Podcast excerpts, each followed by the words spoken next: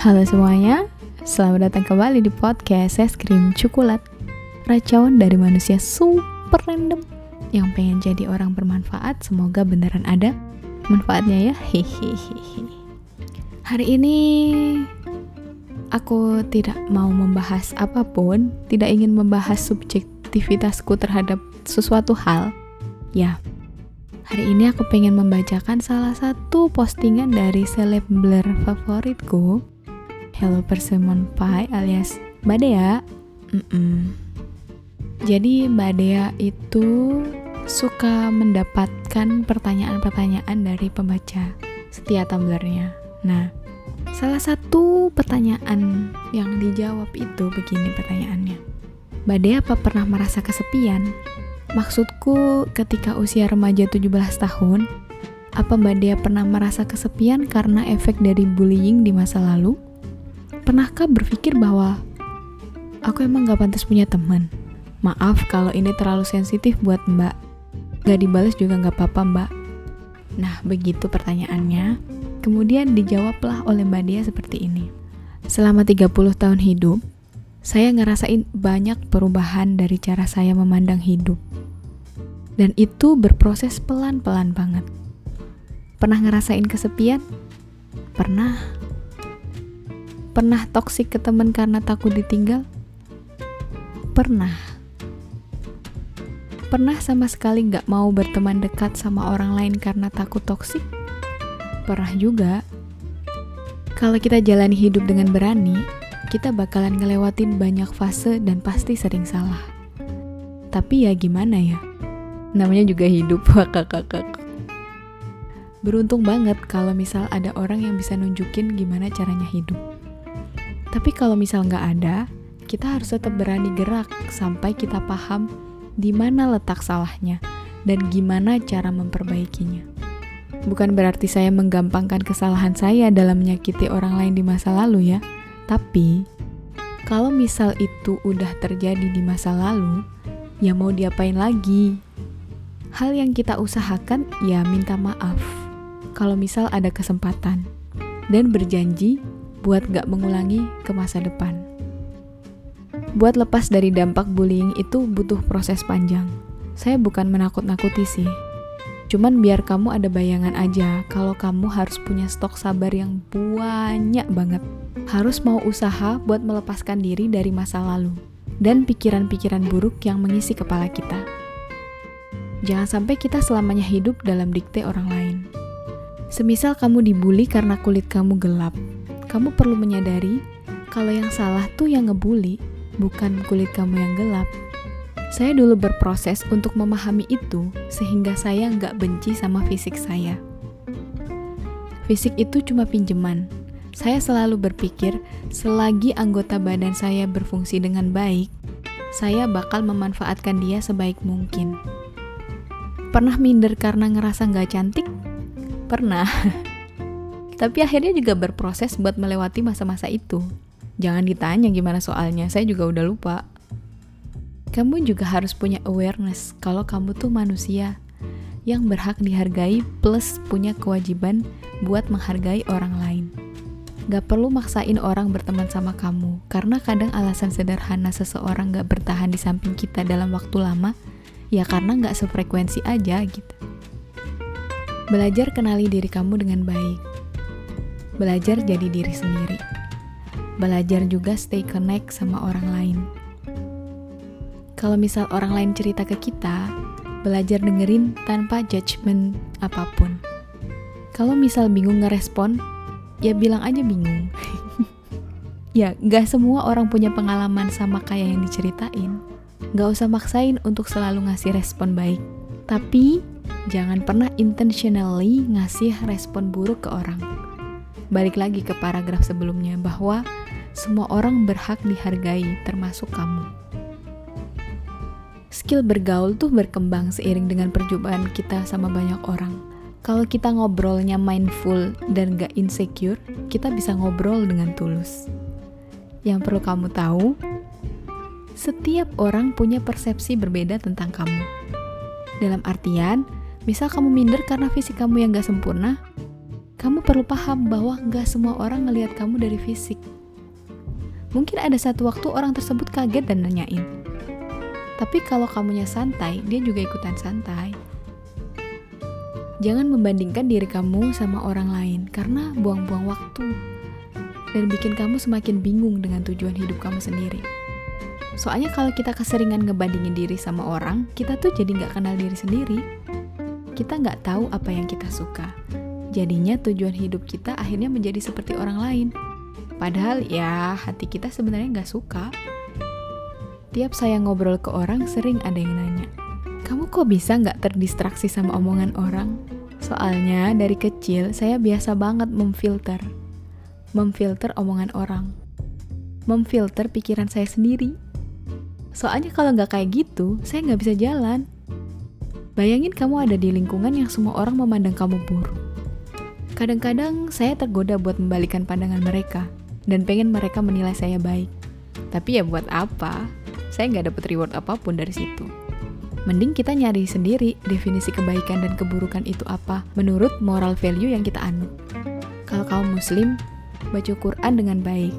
Biar tahu baik buruk yang diajarkan agama tuh kayak apa. Setelah paham definisi baik dan buruk, belajarlah untuk mencegah diri kita dari hal-hal yang buruk. Kalau kamu takut sama penilaian orang atau takut diremehin orang, di dunia ini ada ratusan juta orang dengan isi kepala yang beda ada yang baik, ada yang rese banget suka ngeremehin orang. Kalau misalnya di antara 100 juta orang ada satu persen aja yang rese, itu tuh udah sejuta jumlahnya loh.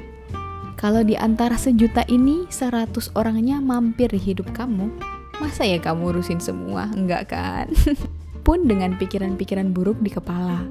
Kamu pernah ngitung nggak? Dalam sehari, kepala kamu generate berapa banyak pikiran? Kalau semua kamu ikutin, mah stres sendiri ikutin yang penting-penting aja, yang ada kaitannya sama kebaikan kamu. Gak ada orang yang gak pantas punya temen. Yang ada tuh orang yang belum siap berteman sama orang lain atau udah siap berteman. Kalau kamu dalam posisi gak siap, ya siapin diri dengan memperbaiki sudut pandang kamu ke diri kamu sendiri. Kalau misalnya kita selalu insecure dan takut sama banyak hal, berada di dekat 100 orang baik pun gak bakal ngebawa dampak apa pun. Soalnya, pikiranmu terlalu fokus jelekin diri sendiri. Tapi, kalau kamu memandang diri kamu sebagai manusia yang sewajarnya, kadang salah, kadang benar, dan seterusnya, mungkin kamu juga bisa pelan-pelan menghadapi orang dengan lebih baik.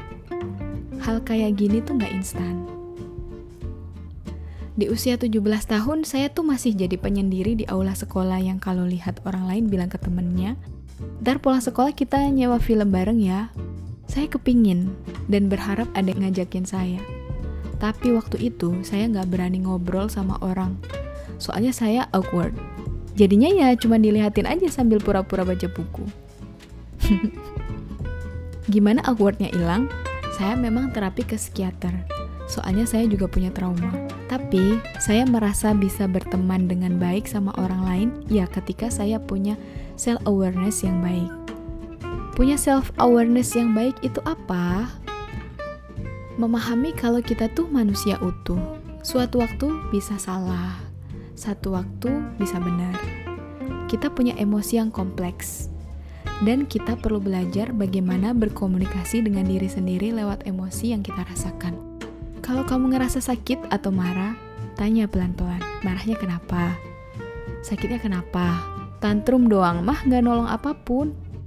Kalau kita paham kenapa kita ngerasain sakit, minimal kita bisa nyoba nyari solusi biar masalah yang bikin kita sakit tuh selesai. Sementara kalau berkaitan dengan orang lain, kita perlu belajar asertif. Asertif itu artinya menghargai pendapat kamu sendiri dan juga menghargai pendapat orang lain. Kalau diskusi bareng orang, kita belajar untuk menyampaikan perspektif dan keinginan kita Sementara pada gilirannya, kita juga belajar mendengarkan perspektif dan, ke dan keinginan orang lain. Diskusi itu bukan ring tinju. Yang kita harapkan bukan kemenangan argumen kita, melainkan perspektif yang lebih baik dalam memandang masalah dan merumuskan solusi. Orang yang baru mengenal pertemanan perlu be belajar banyak banget di sini. Soalnya kita sering gak nyadar jadi orang yang defensif atau suka maksain kehendak atau iya-iya aja karena nggak percaya diri, takut ditinggal. Padahal aslinya juga nggak paham hati kamu setuju atau enggak. ya, salah itu boleh, tapi jangan jahat. Berharap orang lain ada di sisi kita tuh boleh, tapi jangan maksa. Lepasin apa yang harus kamu lepas. Udah sunatullah, after say goodbye we have another hello. ya, itu jawaban dari Baniat dari pertanyaan tadi. Uh, semoga teman-teman bisa mengambil manfaat dari postingan yang saya baca tadi. Terima kasih sudah mendengarkan sampai akhir. Selamat malam dan seperti biasa saya akan memutar lagunya Each. Kali ini pilus aja. Selamat menikmati kesepian. Loh, enggak. Kesepian boleh, kebablasan jangan ya. bye bye. See you on the next episode.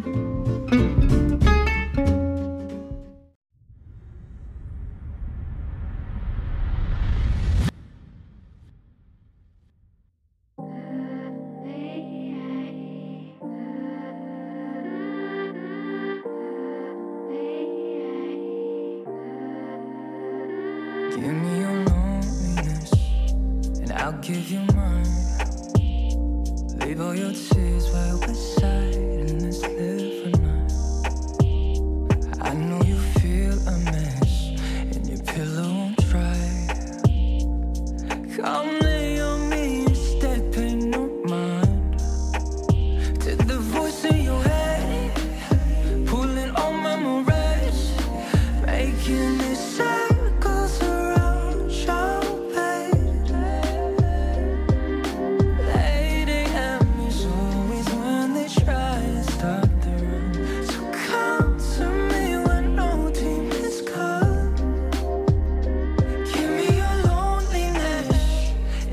you mine.